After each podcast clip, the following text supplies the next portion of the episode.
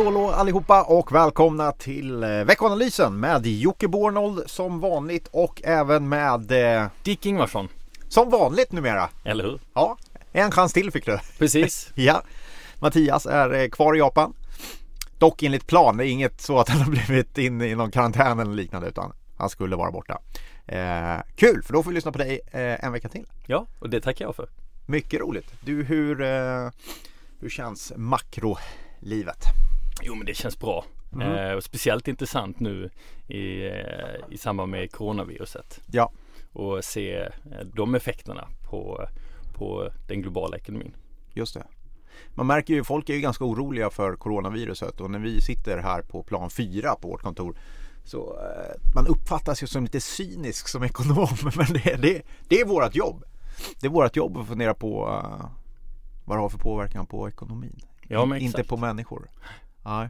Även om man kan oroa sig över det också förstås. Men det blir nästan lite Ibland blir det nästan lite eh, Jag vet inte hur man ska säga Komiskt kanske När man har en strikt ekonomisk syn Ja, på saker och ting Ja, det blir, Det blir nästan lite, bisarrt. lite kallt emellanåt. Ja, det blir lite kallt emellanåt eh, Men vad kan vi säga om eh, coronafallet då? Nej men det, det, det vi har tagit upp i den här eh, veckoanalysen framförallt är ju den här en, förändrade mätmetoden Mm. eh, från den kinesiska hälsomyndigheten som resulterade i att eh, antalet bekräftade coronafall eh, steg väldigt kraftigt i onsdags. Ja, 15 000 nya fall tror jag Exakt. mm. Eh, Då och- blev man ju eh, livrädd nästan Ja men lite så. Eh, visst, eh, här, det som vi kommer komma in på, den här dagliga förändringstakten. Eh, den låg ju på ungefär 2000 fall per dag. mm. Eh, precis innan detta inträffade. Eh, men steg som sagt eh, till 15 000 eh, Ja. i onsdags. Och eh, visst, den här ökningen den är ju väldigt kraftig, både sett i relativa och absoluta termer. Men samtidigt ska man ju ha med sig att, att den här ökningen är ju väldigt begränsad till just fastlandskina. Eh, Och ser man till den här ökningen av 5000 nya eh, bekräftade coronafall så var det faktiskt bara två som hade rapporterats utanför fastlandskina. Mm. Noterar också idag när vi kikade, då var den ökningstakten nere på 2048 tror jag. Ja, Och idag är måndag idag när vi spelar in det här. Och det var Precis. ungefär eh, kanske 105, jag har inte exakt, men någonstans där. Mm. Eh, döda. Eh, och det känns helt klart som takten i Kina i alla fall avtar. Och det måste man väl ändå tolka som positivt. Jo men det, det gör vi absolut och eh, man kan säga att det var väl där i början av februari som den här dagliga förändringstakten i antalet smittade eh, toppade på ungefär 4000. Ja. Eh, och sen så har den fallit ganska stadigt fram till um, ungefär 10 11 februari då den noterade ungefär 2000 fall. Eh, och då, då kan man säga att den här förändringstakten eh, var negativ, vilket är positivt. Eh, Ja, Eh, Men i samband med den här eh, förändringen så eh, ökade ju antalet eh, coronafall eh, kraftigt och den här förändringstakten blir ju plötsligt positiv och, och eh, förde med sig många eh, rubriker i, runt om i världen. Eh, men sen, sen så om man ser till samma siffra både i torsdags och i fredags så har ju den stadigt fallit och kom ut på ungefär 5000 både i torsdags och i fredags. Och som du nämnde precis, dagens siffra är så låg som 2000. Så vi är tillbaka på de nivåerna som gällde innan eh, mätförändringen faktiskt. Ja. trots en vidare eh, mätmetod. Eh, men, men eh, om man kollar på den ekonomi, eh, ekonomi ekonomiska effekter. Vi pratade tidigare i den här podden om att var tredje ny bil som säljs köps av en kines. Exakt. Och det är ju helt makalöst när man tänker på det. Den förändringen har gått jättefort. Men det sätter också det här kanske, eller det gör det, det sätter avtryck i bilförsäljning till exempel. Mm. Mycket annat i Kina. Mm. Hur stor påverkan får det här?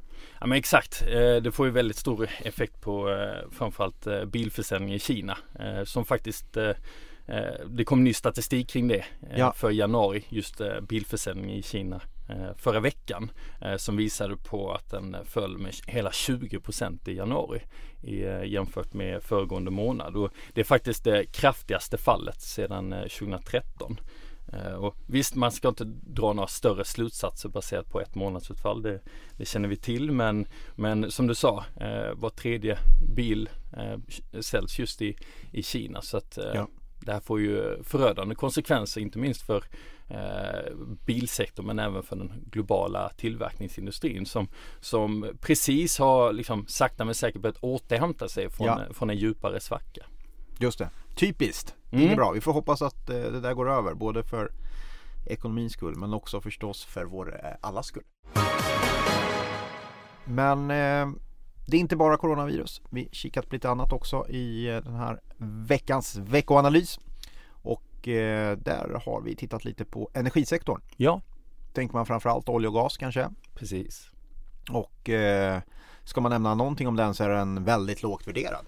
Historiskt ja. lågt värderad när hela börsen är historiskt högt värderad. Ja men ex eh, exakt, det, det, är väldigt intressant för, för ser man till eh, eh typ sett sedan eh, coronaviruset fick sitt stora utbrott i, i mitten av januari så har ju detta pressat eh, oljepriset och det har ju fått oljesektorn att, att vika också. Eh, samtidigt så, så ser det ju liksom energisektorn ganska attraktiv ut. Ja framförallt om man ser till värdering. För det är den enda sektorn som just nu handlas under sitt historiska snitt. Mm. Eh, även vinsttillväxten ser behaglig ut. Eh, ja. Men, eh, Historiskt som alltid bra kassaflöden. Precis, precis.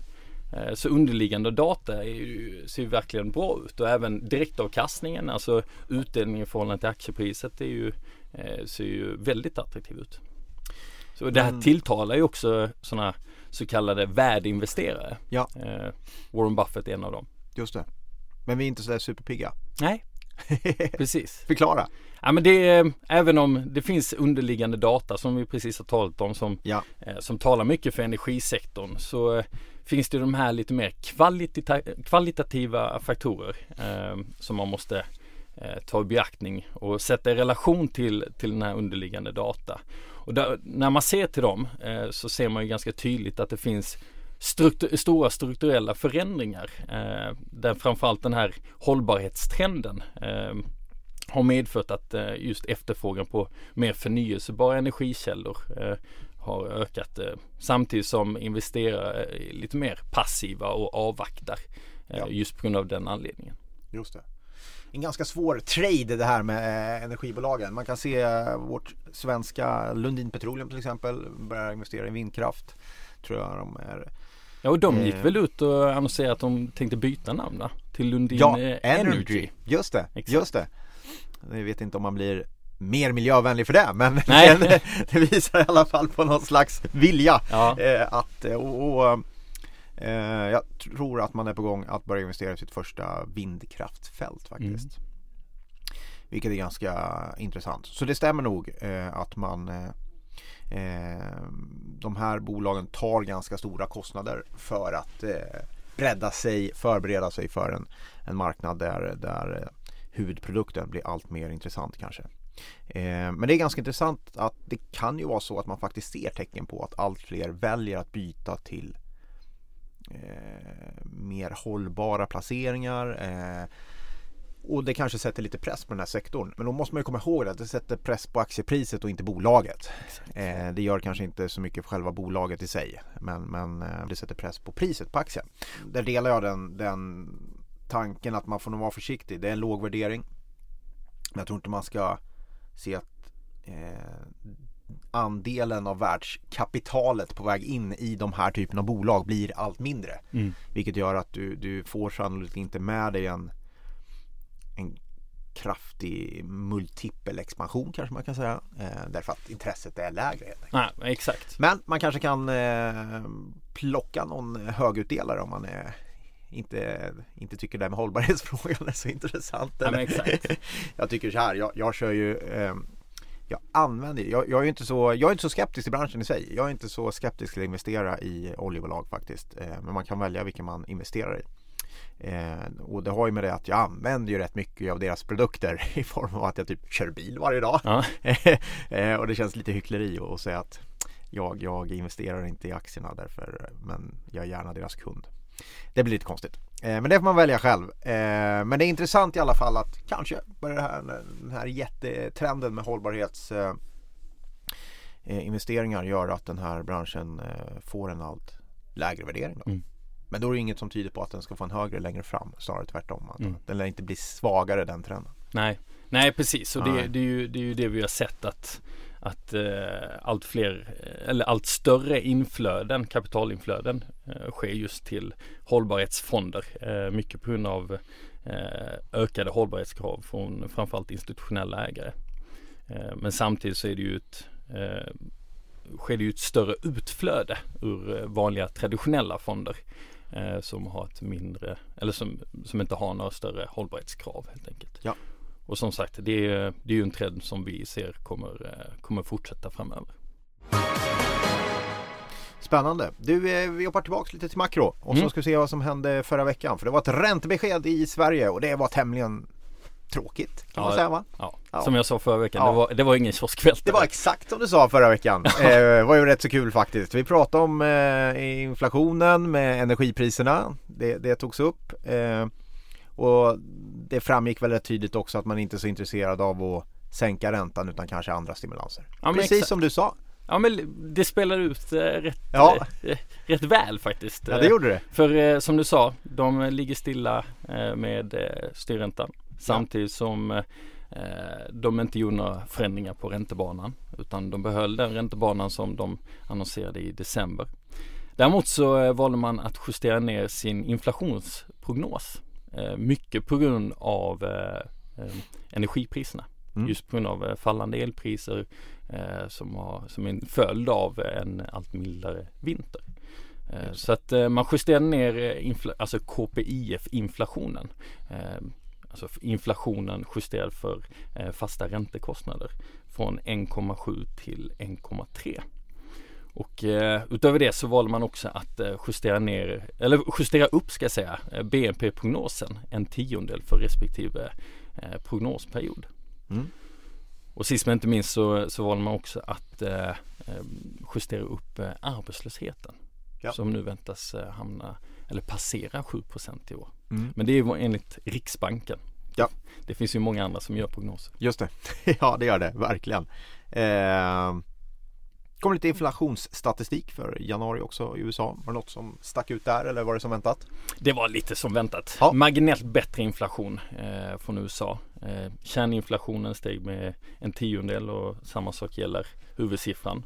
Eh, nu ligger huvudsiffran på 2,5 procent. Eh, samtidigt som kärninflationen ligger på 2,3.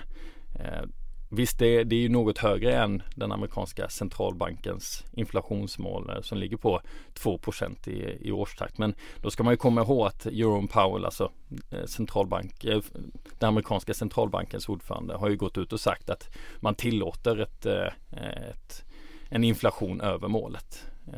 Så att det här det förändrar ingenting helt enkelt och eh, enligt Fed så väntas man ligga kvar eh, med nu, nuvarande styrränta under året samtidigt som marknaden snarare eh, prisar in en, eh, en sänkning framåt eh, september i år faktiskt. Mm. Okej, okej. Får vi se vad som händer. Marknaden brukar få rätt. Exakt. Ja. Det är vad som hände förra året i alla fall. Jajamän. Eh, det får vi se. Det som händer närmsta veckan det är ingen eh, räntesänkning i alla fall. Eh, men då kommer inflationssiffror onsdag. Exakt. Exakt. Är det något vi ska kika lite extra på där då? Förutom att eh, energipriserna varit låga. Ja, nej men det är väl eh, framförallt energikomponenten som man kan hålla koll på. Eh, KPIF, inflationen väntas eh, falla eh, från 1,7 i december eh, till 1,6 nu vet vi att eh, Riksbanken kom upp med, ut med en eh, uppdaterad inflationsprognos förra veckan. Eh, de räknar med ett inflationsutfall på 1,54, alltså något lägre.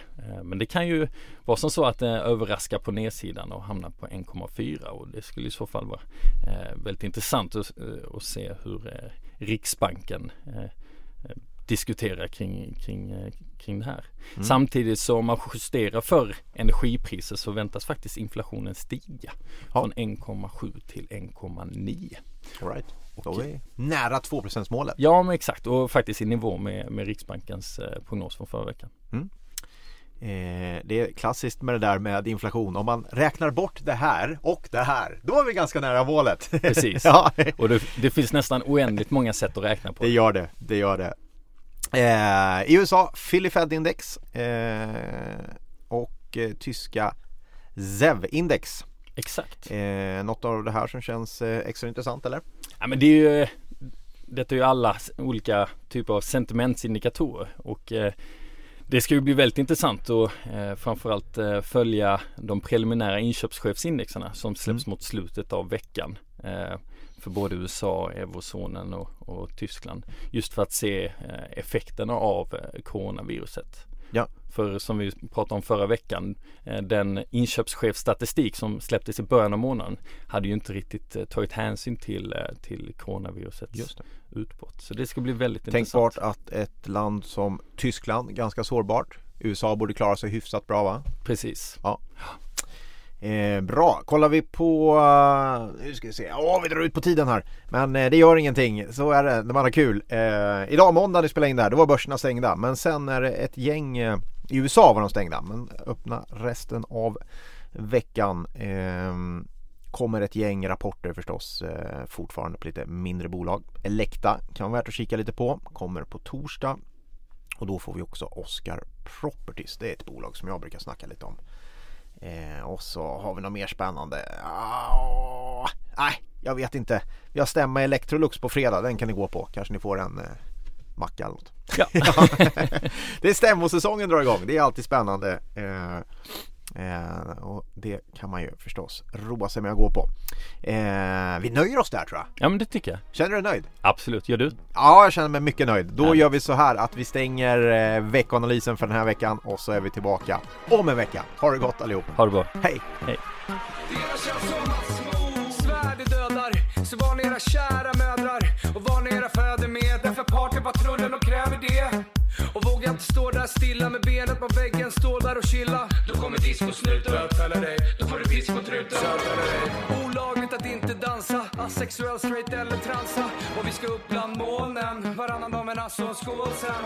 Vi ska twista till svetten Lackar till polisen, juristen och rätten backar. Skiter i tiden och vad klockan slår. När vi revar hela dygnet så långt vi förmår